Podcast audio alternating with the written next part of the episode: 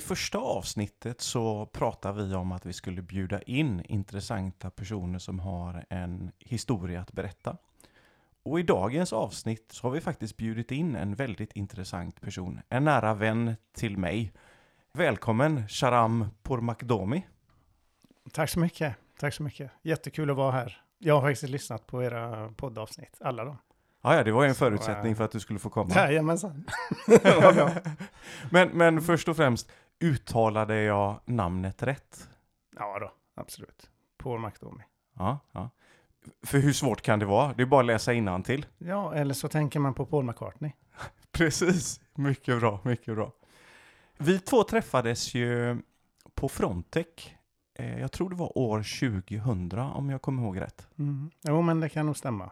Någonstans där i slutet av 99 och början på millenniet. Ja, precis. Jag upptäckte ju ganska snabbt att vi hade två saker gemensamt. Eh, det ena var ju att eh, vi båda två var invandrare, eller icke-svenskar. Mm. Mm. Och det andra var ju att vi hade, ja, vi har ju en fantastiskt bra smak när det gäller filmer. Det tycker jag, absolut. Och då kan vi kanske fråga Daniel, vilken film tror du det är? Eller vilka filmer? Ja, ska jag gissa på er gemensamma filmsmak? Ja, det finns ju några att välja mellan, men spontant då när, om vi har, ja men om ni nu definierar er som två invandrare som gillar en film, så tänker jag ju givet på, ja men det, det måste ju vara Gudfadern ju. Absolut. Sharam är ju den i Sverige som kan imitera Marlon Brando på bästa sätt. Det finns ju ingen annan i Sverige som kan imitera honom. Buonasera, buonasera. What have I ever done to make you treat me disrespectfully? ja, precis. Precis, så är det, så är det. Men för de som inte känner dig, Sharam, eh, berätta lite, vem är du? Absolut. Um, ja, jag är ju 52 år. Uh, identifierar mig som man. um, vad ska man säga? Riktig familjefar. Jag uh, älskar min fru och mina barn över allt annat. Jag skulle kunna dö för dem. Det är väl, det är väl den jag är egentligen. Sen ska man säga nyfiken och hög på livet. Ödmjuk, men ganska hårdhudad. Mm. På vilket sätt då? Nej men alltså jag eh, viker mig inte för svårigheter i livet. Men samtidigt så har jag en ödmjuk eh, inställning till allt. Jag har ju respekt för att folk har ett eh, bagage. Och det där är jättespännande att du säger. Vår erfarenhet tillsammans, vi har ju pratat ganska mycket om det här du och jag, men alla har ju någonting med sig i bagaget. Det kan vara vad som helst. Och det är ju så lätt att glömma det. Så är det. Så är det. Och det är verkligen, man måste ju påminna sig. Det händer ju ganska ofta att jag också tycker att folk är ju idioter eller beter sig som idioter. Men det är bara mina känslor. Om jag kan ju bortse från det, kanske bli av med det. Ibland när jag behöver ju konfrontera någon som jag tycker kanske inte har skött sig så bra. Då brukar jag oftast skälla ut dem i mitt huvud. Inte när de är med, utan bara själv liksom, i mitt huvud. Skäller jag ut dem, för då har jag blivit av med mina känslor. Och varenda gång jag har gjort det och sen har jag konfronterat dem så har det visat sig att det låg ju någonting bakom det beteendet som gjorde mig förbannad. Så det är väl verkligen någonting att tänka på. Men är du en, är du en tänkare, en grubblare? För om du gör det i ditt eget huvud, då antar jag att det pågår ganska mycket där uppe. Egentligen är jag... Ja, jag kanske är en tänkare, men jag, kan, jag känner inte alltid att jag sitter och grubblar och tänker. Många gånger så är det ju... Ja, men saker och ting kommer till mig rätt intuitivt. Med den bakgrunden du har, och vi, vi, du ska alldeles strax få berätta lite om, eh, för du kom ju hit till Sverige, hur gammal var du då? Jag var 17. Ja. Men, men innan vi kommer till det, jag vill bara fråga en följdfråga på det här med att alla har något i bagaget. Kan du ibland känna att fan vad folk gnäller för minsta lilla, för småsaker? Det kan jag absolut. Det kan jag absolut. Och jag kan också tycka att det är lite löjligt. Men fortfarande så tycker jag liksom att alla får utgå från sitt eget perspektiv. Mm. Jättespännande. Eh, berätta lite om, om din bakgrund, för du kommer ju från Iran, eller hur? Ja, men det stämmer. Det stämmer. Jag är född och uppvuxen i Iran. Föddes 71 eh, i en väldigt trygg familj. Mamma, pappa, ja men eh, bra, bra ekonomi, älskade mig. Och eh, ja, nej, men faktiskt en väldigt trygg, trygg tillvaro. Fram till eh, ja, men ganska många år egentligen. Sen hände det ju ganska mycket i landet. Kanske inte de första åren i mitt liv, men eh, någon gång runt 79 så eh, skedde det en revolution i Iran, vilket påverkar ju allas liv där ganska mycket. Det blev ju ganska drastiska förändringar i mångas liv. På vilket sätt förändrade det er och familjen? Ja, för min del kanske inte det förändrades jättemycket mer än att, eh, jag kan väl säga att min, min pappa jobbade inom det militära. Så han var logistikchef i en flygbas i södra Iran.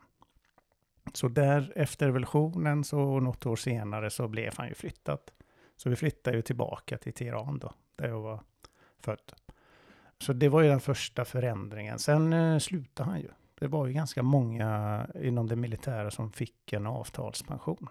Helt enkelt. Man ville ju egentligen byta ut de flesta. För man hade någon idé om att även om man inte hade något eh, på de här, alltså något, eh, man kunde inte hitta att de hade gjort något fel. Eller varit eh, Shah trogna då. Kung, dåvarande kungens, eh, eller vad ska man säga, förra kungen då, i Iran. Då efter revolutionen så blev det ju republik då. Men man trodde ändå liksom att många inom det militära var ju anhängare av, av shahen då. Så man gjorde ju liksom någon slags ja, men byte av personal då, kan man säga. Så eh, där gick ju min pappa i pension, förtidspension, ganska ung. Jag tror han hade knappt fyllt 40. Och då började han ju eh, starta företag och jobba med, med de företagen då. Så, att säga. så det var ju väl en stor förändring så sett. Sen hände det ju ganska mycket i landet. Vi såg ju väldigt mycket liksom i, i media eh, vad som hände. Kriget började ju något år senare. Eh, 1980 så invaderar ju Irak delar av Iran. Mm. Och det var ju en väldigt stor omställning. Det var ju verkligen någonting som man bara hade sett i filmer. Nu bodde vi ju i Teheran så att vi blev inte drabbade direkt så. Det fanns ju en del städer nära gränsen till Irak. De blev ju värst drabbade. Allt ifrån att man bombade ju sönder städerna och att folk liksom flydde ju. Ja, blev flyktingar i sitt eget land då. Det är väl det som är den stora förändringen kan man säga. Mm. Men vad, vad var det som gjorde att... Eh, för visst var det du och din bror som eh, flydde? Nej, faktiskt inte. Min bror är ju tio år yngre än mig. Ah, okej. Så att han, eh, han fanns inte då ens. Han var inte ens född när revolutionen skedde. Då. Okej, Så då har jag. kommit ihåg fel. Ja, men det kan vara någon annan. En annan bror. en annan bror. Alla är vi ju bröder. Precis, precis. Ja, nej men det, man, man fick ju lära sig och inte berätta vad man tyckte. Det var ju ändå, man kanske inte, kanske inte var demokratiskt och fritt på shahens tid heller, men man fick ju ändå yttra sig om det mesta. Eh, efter revolutionen och man såg liksom många som eh, ja, men, uttryckte sig fel och blev arresterade. Barn som angav ju sina föräldrar. Eller kanske bara sa något dumt. Utan att tänka på. Som hade ju konsekvenser. Så man fick ju lära sig verkligen liksom, nej men, tänka till. Tänka efter innan man, man säger något. Var det någonting som, eh, hur automatiskt kom det? För jag tänker att jag som förälder till barn hade ju känt en viss nervositet. Alltså kände ni, fick ni många påminnelser och uppmaningar från, från ja, föräldrarna i detta? Eller hur fungerade det? Ja, jag tror att min mamma hade nog sagt någonting till mig i alla fall. Att tänk på vad du säger. Du behöver inte berätta allt. Sen var det inte liksom det var, det var kanske, alltså jag, jag vet inte vad, vad som hade hänt ens om jag hade berättat någonting. Jag tror inte det fanns så jättemycket heller, men man, man vet aldrig. Men man ändå lärde sig liksom att man, man, man berättar inte vad som händer hemma. Utan att det ens, som sagt, fanns någon anledning. Dagens avsnitt sponsras av Lärarhälsocoachen. Lärarhälsocoachen föreläser och coachar om fysisk och mental hälsa, om inspiration, motivation och målsättningar. Lärarhälsocoachen är certifierad löp och rörelsecoach. Få hjälp med träningsupplägg och löpteknik för att undvika skador och för att få till en bra kontinuitet i din rörelse. Ta hjälp av lärarhälsocoachen antingen på individ eller gruppnivå. För kontakt och mer information gå in på lärarhälsocoachen.blogspot.com. Vad var bakgrunden till att eh, du lämnade? Jo, eh, nu får vi då spela fram bandet lite då. Nu, nu är vi ju runt 88. Då har ju kriget pågått i åtta år. Kriget mellan Iran och Irak. Och då skedde det även bombningar i Teheran man bodde ju ändå liksom i ett, ja, alltså krigshärjat eh, område kan man säga. Inte liksom i den bemärkelsen att fronten var nära. Men det sköts ju eh, långdistansrobotar mot Iran. Och det är också väldigt intressant eh, nu när jag tänker efter. För jag menar, då levde man i detta. Livet pågick liksom för fullt. Man gick till skolan, folk gick till jobbet, marknaden fungerade. Infrastrukturen funkade. Bussar kom och gick som de skulle och så vidare. Eh, samtidigt så, rätt som det var, så gick ju flyglarmet. Och då fick man ju liksom gå till någon skyddsrum och ta skydd. Och så hörde man ju att det small någonstans. Och sen var det liksom, ja, då, det, var, det var bara det liksom. Inget mer Eh, ibland gick man ju till de här eh, ställena där det hade bombats och så tittade man ju på de ruinerna. Men ja, jättekonstigt egentligen, men, men livet pågick ju liksom. Jag tänker både det här normala och det totalt onormala där då. Och så tänker jag på hur anpassningsbara vi människor är. Hamnar ni i känslan eller situationen om att nej, vi skiter i att gå ner i, i de här bombrummen? Eh, alltså, jag, jag misstänker att det kanske ja, nästan blev ett alternativ. Eller hur, hur fungerar huvudet i, i det läget? Ja, men bra, bra fråga. För min egen del, jag var en tonåring, jag sket i allt det där egentligen. Jag är ju, sen är jag ganska...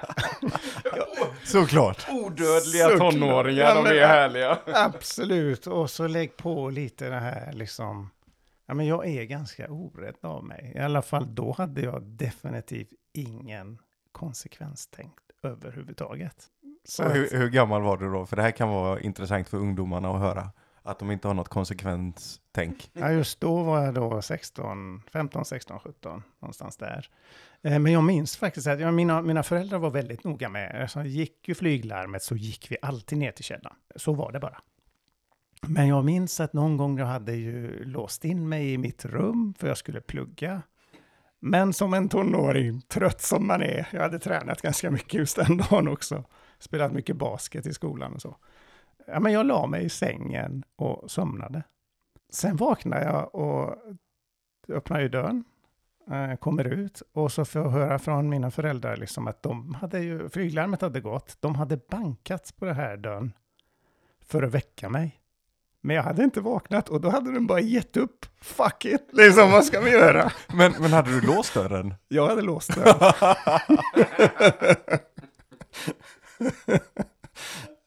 Japp, så var det. Uh, men då blir jag nyfiken. Jag, jag, vet ju alltså förtroendet mellan ja, föräldrar och barn och så här. Trodde de på dig?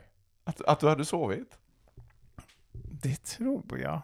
Jag tror det. Jag var faktiskt inte Ja, men jag, jag, vet inte. Jag tror att de, de, hade, de, de litar på att jag inte ljög för dem. Men ja, det vet man aldrig. Jag har aldrig frågat dem. Men jag fick egentligen ingen utskällning. Det var mer liksom att men, du behöver inte låsa dörren. Men jag hade en lillebror, tio år yngre än mig. Han brukade alltid öppna dörren och komma in och störa mig. Eh, Så var det Dessa lillebröder. faktiskt. Jag, jag hade också en Ja, ja. som kom in och störde hela Asså. tiden. Alltså, vem är det då? ja. Men, eh, men vad, vad var det då som gjorde, när eh, lämnade du Iran och varför? ja, nej men då var det då, då var det 88, någon gång runt eh, februari-mars. Men sen var det så, jag hade en plan. Planen var att slippa militärtjänsten så länge det går. Inte slippa den helt och hållet, men ändå försöka på något sätt förhala det här. Och alternativet då var att försöka komma in på högskolan och fortsätta plugga efter skolan då. Jag gick ju, jag hade ett år kvar, jag gick ju liksom näst sista året på gymnasiet och planen som sagt var liksom plugga så hårt. Sen älskade jag att plugga på den tiden liksom, så det var inga problem för mig. Eh, men planen var liksom att försöka komma in någonstans och fortsätta plugga så att man skulle ändå liksom plugga kanske fyra, fem år till och förhoppningsvis skulle ju kriget vara slut då. Så man skulle slippa göra militärtjänsten. Kom man undan på det sättet? Om man pluggade, då behövde man inte? Eller missförstår Det jag? var ju det som, ja så var det på den tiden. Men sen hörde jag från min pappa att regeringen hade föreslagit riksdagen eh, att stifta ny lag om att även universitetsstudenter skulle göra militärtjänsten under sommarlovet. Jag tror inte det hade gått igenom än, men det visste vi liksom att det kommer säkerligen att gå igenom. Man behövde ändå liksom eh, soldater. Och då fanns det en risk att man skulle hamna i fronten också. Och det var det som gjorde att min pappa fick ju panik. Så det var egentligen det som var triggen till att jag lämnade landet. Då. Jag antar att du kommer ihåg det samtalet med honom. Hur... Det måste ha snurrat massa saker i ditt huvud. Ja, samtalet var väldigt enkelt. Jag kommer hem från skolan och då berättar han det här. Och så frågar han mig, ja men eh, vad tycker du om att lämna landet? Flytta någonstans? Europa, tänkte han ju framför allt då. Ja, hur gick, det, hur gick tankarna i huvudet? Inte mycket mer än att jag välkomnade det. Det kändes ju mer, ja för fan, varför inte? Mm, mm. Och vad hände sen? Ja, då eh, fick han ju kontakt med några som... För det är ju liksom, man var ju... Så fort man fyllde 15, då fick man lämna sitt pass. Det här var ju under kriget då. Så, att- och så fick man ju sitt pass tillbaka efter att man hade gjort militärtjänsten. Så, så som... Ja, Så man- my- myndigheterna tog beslag på passen från 15 år och uppåt tills du hade Exakt. gjort... Okej. Exakt. Ja. Exakt. Så det fanns inget legalt sätt för mig att lämna landet. Utan allt skulle ju ske via, ja vad ska man säga, människosmugglarkedjor. Och planen var att du ensam skulle lämna. I- Familjen skulle inte hänga med. Planen var att jag skulle ensam lämna. Det var jag som var drabbad först då.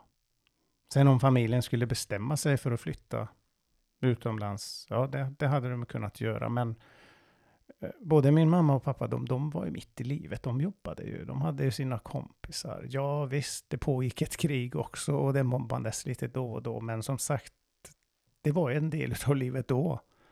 De var mest oroliga för mig. Och det var ju det som min pappa ville, alltså det problemet ville han ju lösa. Och, och hur löste ni det? För det kan ju inte varit helt enkelt. Nej, det tror jag inte. Sen, sen är jag inte så... Jag var inte involverad i detaljerna, men, men han hade väl kontakt via sina kompisar eller någon granne som kände någon som kände någon som kunde ringa ett samtal. Så att vi skulle komma i kontakt med någon som kunde ordna sånt där. Och det kostade ju också ganska mycket. Det kostade, nu minns jag inte exakt vad det kostade, men min, min pappa fick ju faktiskt sälja sin bil för att kunna finansiera detta. Men rätt som det är så, så hände det. Då var allting klart den vägen så att det fanns ju liksom någon som skulle ta hand om, eller någon kedja som skulle ta hand om det här då, flykten. Så att säga. Ja, var det flykten ut ur landet eller även en bit på väg alltså in i andra länder? Eller Det var, hur? ja men precis, nej det här var faktiskt, du kunde beställa egentligen vart ditt barn skulle hamna dessutom. Eh, hur de löste det, det vet jag inte. Det lät Ehm, ju intressant. Nej, men exakt. Och varför min pappa ville att jag skulle hamna i Sverige, det är ju för att hans kusin, eller en av hans kusiner bodde ju i Sverige då. Så att, eh, och då kände han ju, ja men alltså ska man ju skicka ut sin tonårsson ut i världen, då vill man ändå att det finns ju någon släkting, någon som man känner som kan ha lite koll. Mm, någon mottagare. Ja, men lite så. Sen var det inte tanken, eller i alla fall i mitt huvud var det absolut inte tanken att jag skulle ju flytta in till den kusinen. Kanske min pappa hade de förväntningarna, men i alla fall inte jag. Ja, och jag minns ju lite när du och jag började jobba ihop, för vi, vi hade ju ibland eh, ganska många samtal du och jag, för vi fann ju varandra på Frontec ganska så fort. Eh, och jag vet ju att, nu minns jag inte om det här var över en, en fika eller kaffe eller någonting, eller om det var på någon middag som du och jag åt, men eh, du har ju berättat lite om den här resan och för mig som har haft en trygg uppväxt här i Sverige så Alltså det är svårt att sätta sig in i och göra en sån resa under de omständigheterna själv. Jag hade varit livrädd. Kan du inte berätta lite hur det här gick till? Jo, men absolut. Ja, jag tror att som vuxen, när jag tittar tillbaka, då kan jag också känna någon slags rädsla. Jag förstår inte hur min pappa kunde göra detta. Den styrkan som han hade. För jag har ju, jag fattar ju inte detta förrän jag höll ju min eh, äldste son i famnen första gången när han föddes. Då börjar ju tårar komma. Jag blir till och med lite känslosam nu när jag pratar om det. Det var då allt blev uppdagat för mig, liksom jäklar vad min pappa har känt. När han var tvungen att fatta det beslutet. Mm. Personligen, 17-årige Sharam tyckte att det var ju, fan det här var action. Det var roligt. jag har ju, eh, ja, men jag har ju i och för sig, eh, lite tack vare att min pappa jobbar inom militären, så har vi flyttat runt ganska mycket under min eh, uppväxt. Och, och det har ju gjort mig lite mer, kanske är det även en personlighetsdrag hos mig, men eh, jag gillar förändringar. Jag tycker det är gött. Man känner sig levande när man utsätts för saker som gör att man blir obekväm. Man kommer ut ur den här komfortzonen. Ja, men visst är det häftigt? Ja, men absolut. Så då kändes det ju, yes, fasen vad roligt det här ska bli. Jag drömde om, jag faktiskt drömde om att jag 20-30 år fram i tiden berättar om min resa för mina kompisar. Faktiskt, jag hade ju, jag, jag kunde faktiskt se det framför mig. Eh, sen har inte jag varit den som har berättat det här så jättemycket Förrän nu? förrän nu, eller till exempel när du och jag, jag tror faktiskt att vi var ju, vi var i Norrköping eller något. Och så hade vi haft ett jobbmöte och på väg tillbaks Ja, i din bil så började vi Ja, snacka om livet. ja, ja, just det. Och då berättade jag det här. Så jag har egentligen inte berättat det här för så, så jättemånga personer. Eh, kanske för att jag har säkert blivit lite drabbad av eh, svenska jantelagen. ja, ha, Vem vi- har vi inte inte det? alla det? Exakt. Hämmar oss något fruktansvärt? Ja, ja, ja. Nej, men lite, lite så är det. Man kanske har lite distans till det här själv då. Mm. Men eh, eftersom jag inte har koll och inte heller våra lyssnare så tänker jag, nu vill vi ju höra lite grann steg för steg. Steg ett, ut från Iran, Ja. antar jag. Precis. Hur, vad, vad, hur då? Var det genom tunnlar eller var det... Ja, men det tror man. Exakt. Ja, eller hur? Ja, tunnlar som Hamas har fixat.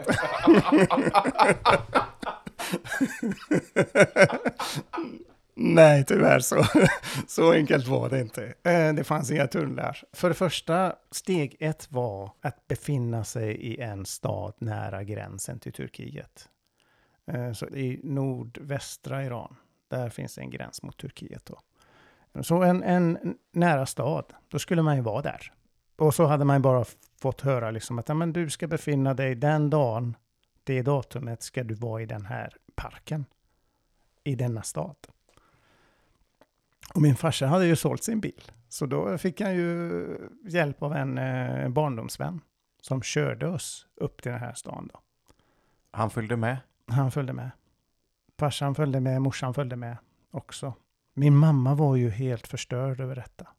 Det har ju tagit åratal för min mamma att återhämta sig från det här med att, för att beslutet kom ju väldigt hastigt. Och hon kunde inte säga emot min pappa heller. Egentligen. Men sen har, han, har hon ju beskyllt min pappa ganska mycket för det här, liksom att han har ju orsakat detta, liksom att hon har ju kommit ifrån sin son. Sen med facit i hand så tycker hon att det här var ju det bästa som kunde hända. Om man säger så. Så att hon är väldigt, hon är väldigt glad över att jag har ju funnit lycka här. Om man säger så. Eh, men hur som helst så, så eh, befinner vi oss i den här parken i den stan vid den tidpunkten. Och så kommer någon och säger liksom att men, du ska vara i en korsning. En bil kommer att stanna framför dig. Dörren öppnas, du hoppar in bara.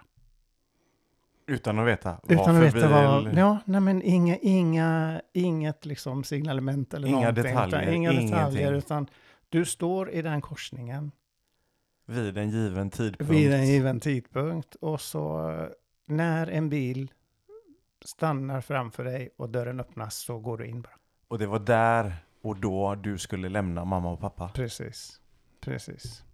Så de stod ju bara några meter bort från mig då. Och ja, och det var ju det som hände. Kommer du ihåg någonting av just det ögonblicket? Jag kommer ihåg, egentligen kommer jag ihåg att bilen var grön.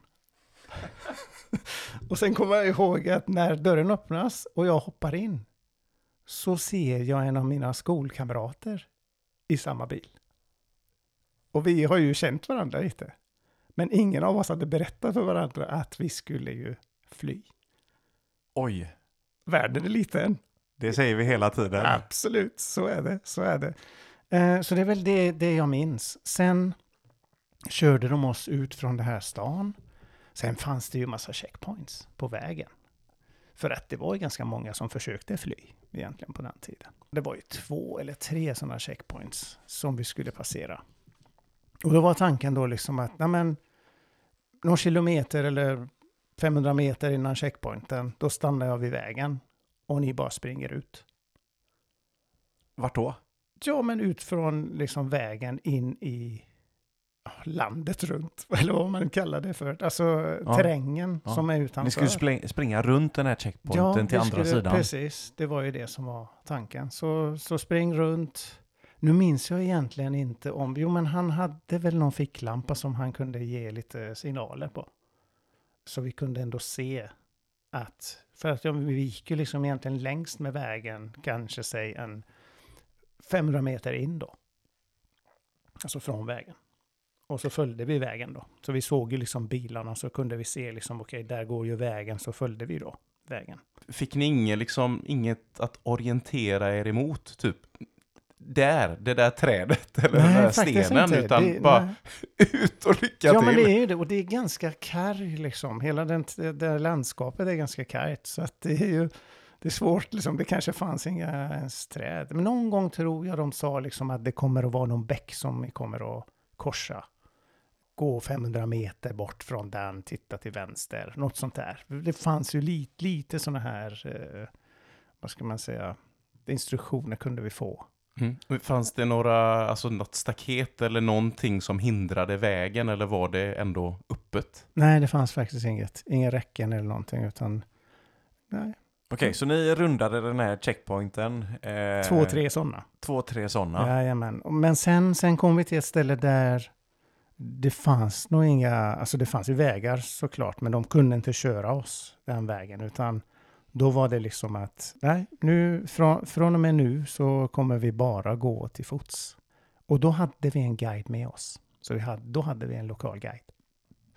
Innan vi fortsätter här nu då, Ja. då tänker jag att hoppa in i en bil, Mm. sådär, vet inte ens vad det är för bil, har ingen aning om vad det är för människor som sitter i den. Men då står du ändå där med dina föräldrar och har en viss trygghet. Att då nattetid bara ge sig ut för att runda de här checkpointsen. Kommer du ihåg hur du upplevde det?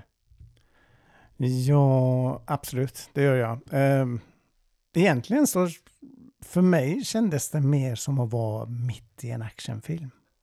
Det var, ja, men det var ju det. Det var ju overkligt, men det var så min hjärna kunde egentligen tampas med det här. Inget annat. Jag, som sagt, ingen konsekvenstänkt i den åldern. Ganska orätt. Och så gillade jag äventyr. Så det här var ju liksom ja, men en jätterolig äventyr för mig. Sharam. Okej, okej. Ni, ni fortsätter till fots. Ja, nu Mm. fortsätter vi till fots. Vi går på nätterna, sover på dagarna. Jag tror att vi gick i tre dagar. Så, så efter att vi hade gått tredje natten, då kom vi till Turkiet. När du säger vi, Sharam, Mm. vilka är vi? Är det du och den här barndomskamraten eller är och ni två fler? till, Och två plus, plus guiden. Nej men det var ju det. Det, var ju, det jobbigaste var att vi inte hade någon packning med oss. Guiden hade med sig lite bröd. Och vatten hittade vi på vägen. Vilken årstid var det här? Det här var vår, ja, senvinter. För jag funderar på, på nätterna. Ibland kan det Ja. bli ganska kallt. Jo, men då hade de hade sagt liksom ta, ta med dig en varm jacka. Men, Okej, okej. men ja, alltså vi frös. Absolut. Och så sov vi liksom. Som sagt på dagarna och då låg ju solen på så vi värmdes ju av det. Men på nätterna var det kallt, men då gick vi. Mm, mm. Så det var ändå okej. Och jag tyckte det var ju roligt. Det var ju, jag, jag tyckte om och liksom, jag har hållit på med bergsvandring och allt det där också. Så att jag, jag gillade ju att gå. Så jag hade inga problem med det. Sista sträckan så sa ju guiden till oss att men nu, nu tar, för han skulle inte följa med sen. Utan han bara sa liksom att ni, ni tar er över det här. Det var ju liksom två kullar. Och det här var en dal då, så vi skulle gå mitt i den här dalen mellan de här två kullarna. Ni går ju tills ni kommer till någon grusväg. Och så stannar ni bara där. Så kommer någon och plockar er på morgonen. Och då är det Turkiet då. Och det gjorde vi. Eh, jag minns att en, min, min skolkamrat, han hade ju, han, han var rätt trött. Han hade svårt att gå. Hans kusin var med också. Och en till kille då, som sagt fyra. Så vi fyra gick ju och, och jag hjälpte ju Eh, min kamrat då. Ja, jag vet inte hur långt, men, men under stora delar av den här natten som vi gick så fick jag bära honom lite. Men till slut så, så var jag också för trött för att göra det och han bara liksom, nej men jag skiter i det här, så här, bara lämna mig här. Och, vilket jag gjorde. Jag, jag till och med vädjade till hans kusin att han skulle hjälpa och han bara, nej jag orkar inte heller. Tonåringar. Ja men, ja, men, det är så här härligt. Jag, jag tänker på hur saker och ting gestaltas på film och sådär. Och, och vi alla någonstans vill förknippa oss med hjältarna. Ja men skulle jag hamna i en sån där situation, då hade jag ju gjort the right thing liksom. Så är det, så är det. Verkligen. Men, men vad hände? Lämnade han bara Ja, men då? vi lämnade honom och så tänkte vi, fan, han kommer säkert att bli arresterad. Tänk om det går ju någon sån här patrull liksom mitt i natten. Ja, ni hade ju ingen konsekvenstänk, men, men slog det er aldrig att om ni lämnar honom så kanske någon hittar honom och så börjar de leta efter er? Jo, och det kunde ha hänt också. Sen, eh, jag, jag tror inte vi tänkte så mycket, men rent teoretiskt hade vi kunnat vara i Turkiet och då kunde de inte komma in och ta oss därifrån. Hoppades vi. Men, men hade ni kommit in i Turkiet i det här läget? När vi lämnade honom, det vis, alltså vi visste egentligen inte vart gränsen går och jag antar att just den gränsen är ju ganska otydlig. Det finns inga väggar eller någonting egentligen där, utan det är ren, det är terrängen egentligen eh, som skiljer ju länderna åt. Eh, säkert var det någon av de här kullarna som låg i Iran och det andra låg liksom i Turkiet. Men hur som helst, eh, han dök upp på morgonen. Jäkla simulant! Verkligen. Va, vadå, vadå dök upp? Nej men han dök upp bara. Han kom ju liksom, han, han hade väl liksom, han var för trött så han, hade behövde sova. Han behövde sova. ja, det, är, det är intressant hur, hur vi människor funkar. Okej, och, och ja, vad hände sen? Sen var vi ju kvar där vid vägen några timmar och så kom det liksom en sån, eh, ja men en bil och plockade oss. Eh, Sen åkte vi till en by nära gränsen, en turkisk by då, nära gränsen till Iran. Väldigt primitiv by liksom. Vi fick ju bo i ett litet hus. Vi fick ju filtar och så fick vi jävla massa mat. För vi hade ju typ ätit bara bröd och vatten i tre, fyra dagar. Tänk er liksom tonåringar. Eh, som har hur mycket aptit som helst. Ja, och det var ju inte något rostbröd tänker jag, eller? Nej, nej, det var ju... Ja, exakt. Precis. Nej. nej, det var ganska torrt bröd. Man var tvungen att liksom äta det med vatten. Det gick inte att få ner det. Det, det kommer jag ihåg. Eh, ja, eh, sen fick vi som sagt, vi fick ju filtar och jag, jag minns detta så, så tydligt att vi, alltså när vi drog på oss filtarna, ganska många lager, då började vi att skaka så hutlöst. Alltså vi skakade så man nästan hörde sina koter och slå mot varandra. Men det kanske ni också har varit ute i? Nej, men det, det där Mm. påminner, eller det får ju mig att tänka på att eh, om jag har varit ute och sprungit, Mm.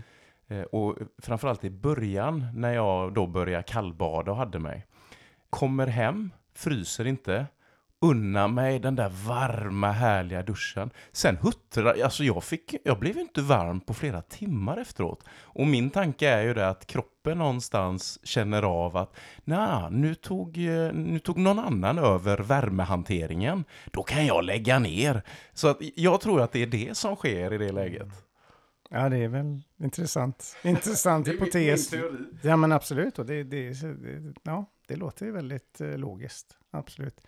Ja, nej, men och sen fick vi som sagt mat. Och jäklar vad vi åt. Det har aldrig smakat så gott som då. Verkligen, verkligen. Nej, men det var ju det. Ibland måste man få bli riktigt hungrig för att det ska smaka gott. Så är det. Så är det. Det är väl därför, eh, ja men ni, jag vet att ni fastar, det gör jag också. Och det känns ju jäkligt gött när man äter efter att man inte har ätit på några timmar eller något dygn ibland. Sen fick vi sova och då, alltså vi var rätt trötta. Så jag tror att vi sov ju, måste ha sovit någonstans runt 18 till 24 timmar. Men sen, sen började vi känna oss som människor igen. Egentligen. Eh, sen blev vi då plockade därifrån, från den byn. Och då körde de oss till Istanbul. Och där fick vi ju då bo i ett hus. Eh, med massa andra i vår situation. Så Iranier allihopa eller? iranier allihop. Ja, okej. Jajamän. Jajamän. I väntan på att de skulle ordna nästa etapp. Det vill säga lämna Turkiet. Och hur gick det till?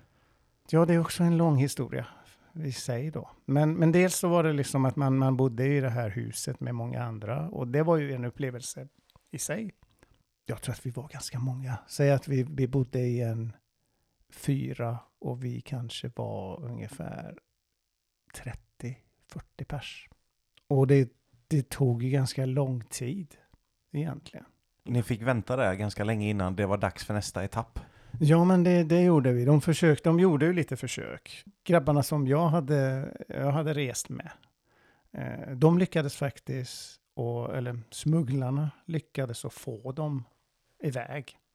Min för, mina föräldrar, de, de tyckte det här var så jobbigt, så då hade de ju liksom åkt till Turkiet. Så de mötte upp mig i Istanbul. Ja, för, för det var precis den frågan jag tänkte ställa. Hur, hur lång tid tog det från att ni skildes till att de fick veta ja, men att du levde, var du var och sådär? Var, är det veckor eller hur? Jag skulle nog tro att det är en vecka. Det var i alla fall, det tog väl någon vecka innan jag, ja då hade de ju åkt till Turkiet, men, men vi fick ju träffas kanske någon vecka senare. Och då visste de från början att tanken var att ni skulle komma dit? Eller hur kommer det sig att de reste precis, alltså var det lite på vinst och förlust som de reste eller? Det kan ju mycket väl vara så. Nej, jag, alltså det här var inte planerat. Det var bara att min mamma mådde så dåligt så att min pappa tyckte liksom att nej, nu får vi fan med åka till Istanbul. Så du får träffa honom när han är där. Så det var ju så. Så det var absolut inte planerat så sett. Eh, ja. Nej, men så jag träffade dem. Mm, jag tror att jag bodde hos dem i en vecka. Sen eh, kom jag tillbaka, för då åkte de ju hem. De skulle jobba och så. Då hade ju mina resekamrater eh, tagit sig därifrån. Och sen eh, hade vi lite otur för att ja, det var ju jag som stod på tur då och skulle ut och då reser ju med falskt pass egentligen. Men å andra sidan så eh, i alla fall på den tiden var det så pass korrumperat så att man hade ju betalat massa tjänstemän och poliser för att man skulle ju liksom även med falskt pass få en boardingpass och ta sig igenom säkerhetskontrollen och flyga från, från Turkiet. Då. Till? Ja, i mitt fall skulle jag till Sverige, fast kanske inte direkt. Nu minns jag inte ens. För, jo, precis. Jag skulle till Tyskland först. Skälet till det var att som iranier får man ju ha, alltså har man Irans pass får man ha visum till nästan alla länder. Kanske förutom Nordkorea och några sådana här skurkstater. Men var man under 16 så kunde man ju komma in i Tyskland utan visum. Så då hade de ju fixat ett falskt pass till mig. Och då var jag 15 år på det pass, i det passet. Då. Men i själva verket var du? Ja, 17. Precis. Men det var ju liksom ett sätt för mig att kunna komma in där. Då. Kommer du ihåg vad du hette i passet? Nej, fasen. Kanske bara mig själv. Jag minns inte. Nej, okej. Jättebra fråga. Det, alltså, Och, du, och du har inte kvar det? Nej, det är passet. Eh, för det första, det första passet blev ju beslagtagen. För att egentligen, eh, när det var min tur, så, så går jag med det passet till flygplatsen, kommer till eh, där man hämtar ut sitt boardingpass. Och det var inga problem med det. Så går jag igenom säkerhetskontrollen. Men sen var det så att det hade varit lite bekymmer tjänstemän, i alla fall poliserna, ville ha mer betalt från de här smugglarkedjorna. Det pågick ju lite förhandlingar där också då. Eh, så jag hamnade lite mittemellan det då. Det vill säga de, de, de tar in mig efter att jag hade passerat säkerhetsgaten. Och det var jättekonstigt egentligen. Men jag blev, jag blev hämtad av polisen. Och så följde jag med och där beslagtog de ju det passet. Och jag hamnade i arresten då helt enkelt. Så jag, På flygplatsen eller tog de dig bort ifrån flygplatsen till? de tog mig bort från flygplatsen. Så jag har suttit egentligen i turkisk fängelse i 20 dagar. Egentligen. Och vad gick genom ditt huvud när de kom? Bra fråga. Jag tänkte, vad fan. Vad, alltså då, då var jag rädd. Då var jag jätterädd. Då, då visste jag verkligen inte vad som skulle hända. Försökte ändå visa att jag, jag försökte spela med lite sådär. Mest för att jag tänkte jag kanske kan lura dem. Lite så. Men det gick inte. De visste ju precis vilka vi var, genom vilken smugglare vi skulle ta oss ut och så vidare.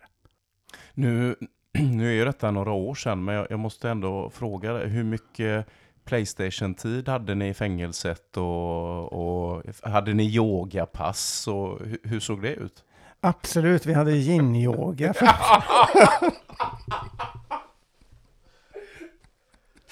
Jag får be om ursäkt för min korkade bror. ja, men det här är ju jätteintressant för att, eh, ja, alltså, nu har inte jag suttit i svensk fängelse någonsin, men man har ändå hört talas om att det är lite, ja men lite som hotell. Ja men äh, de har ju Playstation-tid och det finns ju möjlighet till yoga och så. Sen, nu kanske vi inte ska diskutera det här med straff eller rehabilitering. Och, ja, vi behöver inte gå in på det, inte i, i dagens samtal i alla fall. Men nog 17 blir jag nyfiken på hur, hur det såg ut i det fängelset. Ja, nej, men det var, ju, det var ju bara förvaring. Det var inget annat. Det var ju, de, de visste ju egentligen vilka vi var. Med, ja, med ett gäng iranier som försöker ta sig, ta sig ut. Och där satt du i 20 dagar. I 20 dagar satt jag där. Sen, sen körde de ju lite förhör. Jag vet inte om det var för, för syns skull. Varför gjorde de det? De visste ju exakt som sagt vilka smugglare som vi hade kontakt med. Eh, De försökte pressa dem. Så man satt ju lite i, i förhör och det var ju lite jobbigt. Det var ju verkligen liksom, man fick ju en örfil lite då och då och så massa frågor som man inte ens liksom kunde svara på. Alltså de, eh, fys du fick fysiskt stryk helt enkelt? Ja, inte så, inte så så jag skulle säga liksom att men jag, jag torterades inte. Men någon jädra örfil Ja. fick mig ju. Sen vet jag, jag har ju pratat med en del andra iranier efteråt som jag träffat här i Sverige, som har ju också kommit den vägen och suttit i turkiskt fängelse mycket längre än jag och bli, blivit torterade på riktigt. Speciellt om man har haft kurdisk bakgrund så kunde man ju råka illa ut som fan. Men som tur är, jag har ju, jag har ju varit skonad. Grejen var liksom att när, när jag tog mig igenom säkerhetsgaten så ringer jag till smugglaren. Jag hade ett telefonnummer. Jag skulle ringa och säga att nu har jag passerat.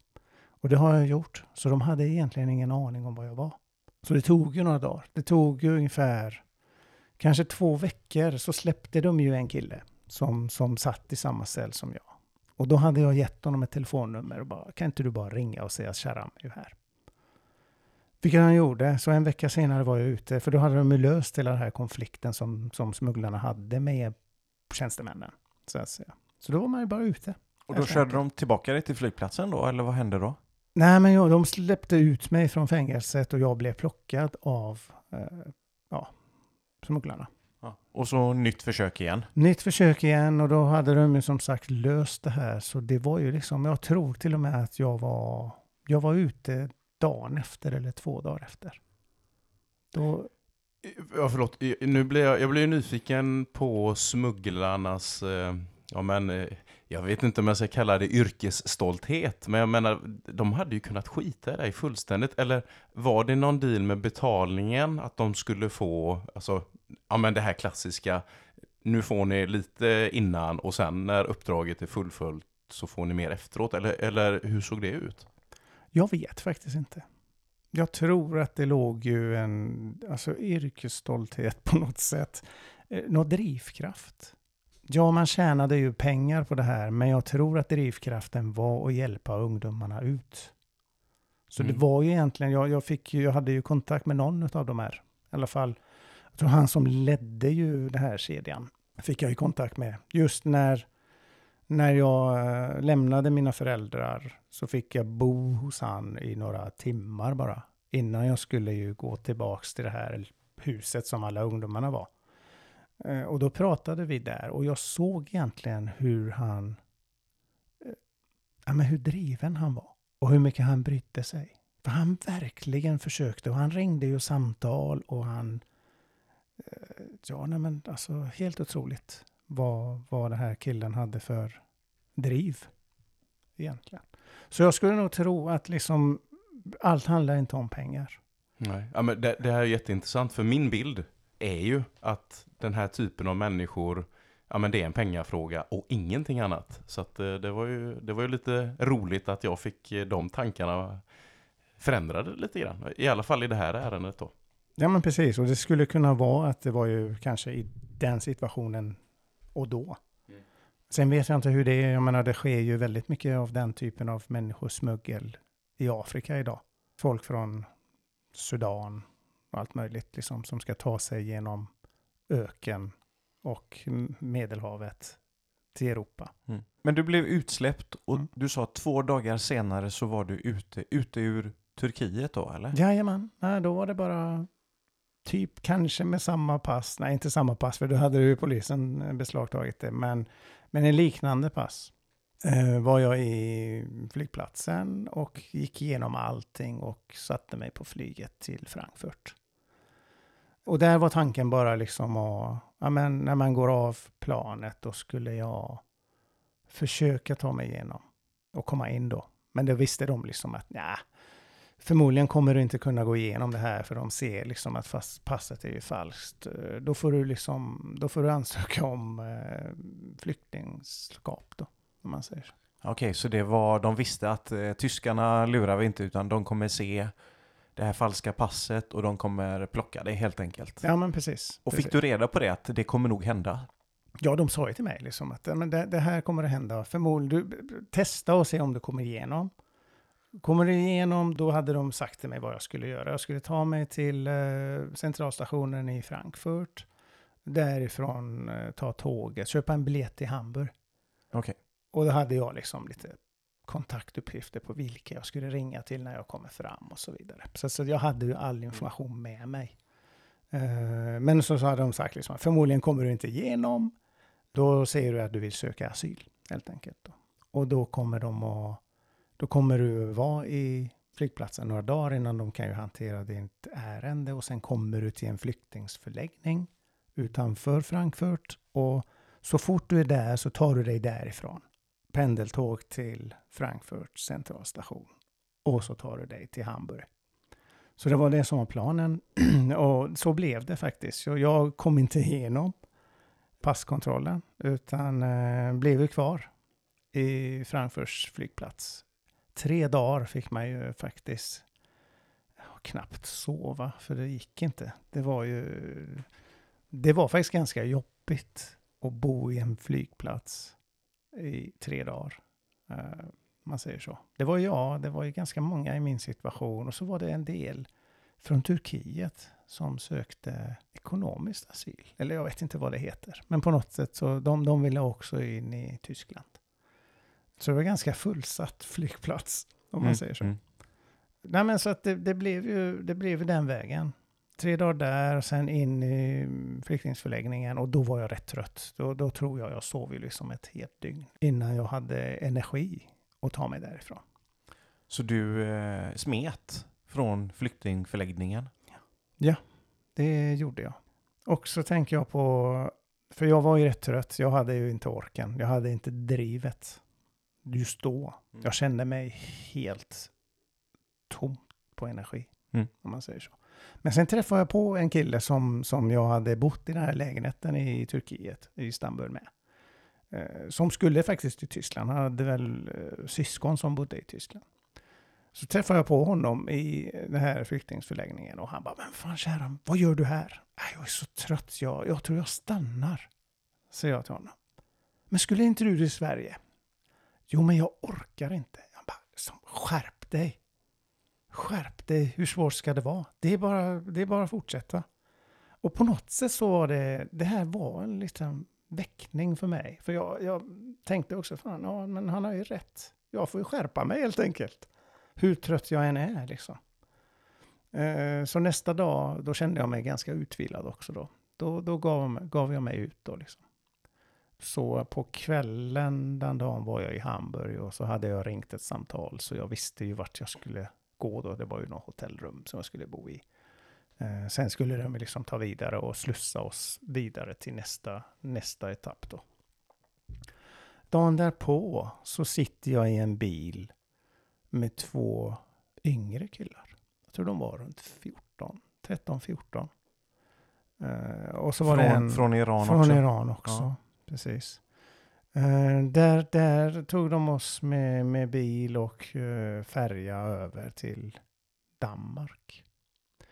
Men där minns jag också att han släppte ut, han som körde släppte ut oss någonstans. Jag vet inte vad det var för gränsområde, men han släppte ut oss någonstans och sa liksom att när ni går ju jämte den här järnvägen tills ni kommer till ett, en korsning, det finns en bom där.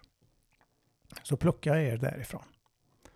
Jättemysko. Alltså jag har ju tänkt tillbaka på det och jag fattar inte vad det kunde varit. Om det kan vara någon form av gränskontroll och i så fall var. Men det hände och så hade jag de här två stackars ungarna med mig då. Och de var ju skiträdda. Det, det kände jag på mig så jag fick ju spela storebror för dem liksom och vara den starke. Och liksom ja, på något sätt beskydda dem under det här lilla promenaden som vi hade då, mitt i natten. Eh, ja, nej, men sen var vi i Köpenhamn och så lämnades i någon park någonstans. Och så sa han då som hade kört oss dit, ja, jag kommer tillbaka om två timmar. Så två, tre timmar senare så kommer han och så säger han att, ja, jag har eh, två biljetter till Stockholm, en till Göteborg. Vem vill åka vart? Ja, det är klart du tog Göteborg. Tror du ja. Jag vet att det var till Stockholm. Kusinen till pappa, han bodde i Göteborg. Och jag ville inte till honom då. För jag kände, fan nu vill jag stå på egna ben. Eh, så jag valde Stockholm, helt enkelt. Sen tror jag en av de här ungarna hade ju släktingar i Göteborg, så jag tyckte liksom att det är nog bättre om han tar det. Så att säga. Nej men rätt som det är, så eh, några timmar senare så, så satt man ju på flyget. Och så, eh, ja, någon timme senare så landar man ju i Stockholm, Arlanda. Och där var det liksom att, ja men vi hade ju egentligen inget, det, fanns inget pass eller någonting då, utan vi hade bara boardingpasset som man fick ju egentligen bara göra sig av med. Kommer man fram och då går man ju till polisen och säger liksom att "Nej, men jag har inga handlingar, jag söker asyl. Och ja, nej, men det var ju egentligen det som var resan in i Sverige. För då, sen var det då liksom att bli transporterad till eh, en flyktingsförläggning i eh, Karslund. Den ligger väl ute i Upplands Väsby. Nu har du varit lite varstans. Jag tänker Mm. eh, Turkiet, Tyskland, Danmark, Sverige. Hur var, vad hade du för språkkunskaper? Eh, nej, men jag kunde prata flytande engelska. Jag vet inte om det var en fördel eller nackdel. Jag tror att det var till min nackdel när jag skulle in i Tyskland, för jag började prata engelska med dem. Jag kunde bara liksom låtsas att jag inte kan förstå någonting eller säga, bara prata persiska med dem, rent ut. Och då hade de nog släppt in mig, tror jag.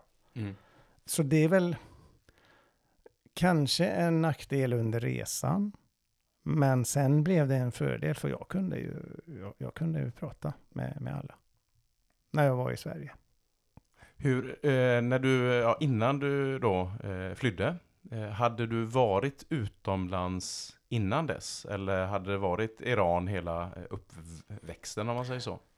Nej, faktiskt. Jag och min familj bodde i England några år också. Så att, och det var ju på shahens tid då. Så då hade vi bott i England i tre år. Så det, det var ju min erfarenhet då. Mm. Så det betyder ju egentligen att det du upplevde på vägen i form av nya platser och situationer, det var inte jättemärkligt då. Eh, ja, men jag tänker eh, första gången på en flygplats kan ju vara speciellt eller en, eh, ett nytt land, klimat, kultur, ja, det, vad man nu än må uppleva så kan det vara mer eller mindre omvälvande tänker jag. Men då, då var inte det någon större grej egentligen då antar jag. Nej, inte direkt i alla fall. In, inte liksom, inte så att jag hade ju massa första intryck på det sättet. Sen blev ju liksom mötet med Sverige blev ju en chock såklart. När man väl börjar att komma in i samhället. Så att det var kanske mer det. Mm. Eh, då tänker jag, de här som du hade på vägen, ni som var i bilen från första början och så, ja, du träffar ju på folk. Har du någon kontakt med någon av dessa idag?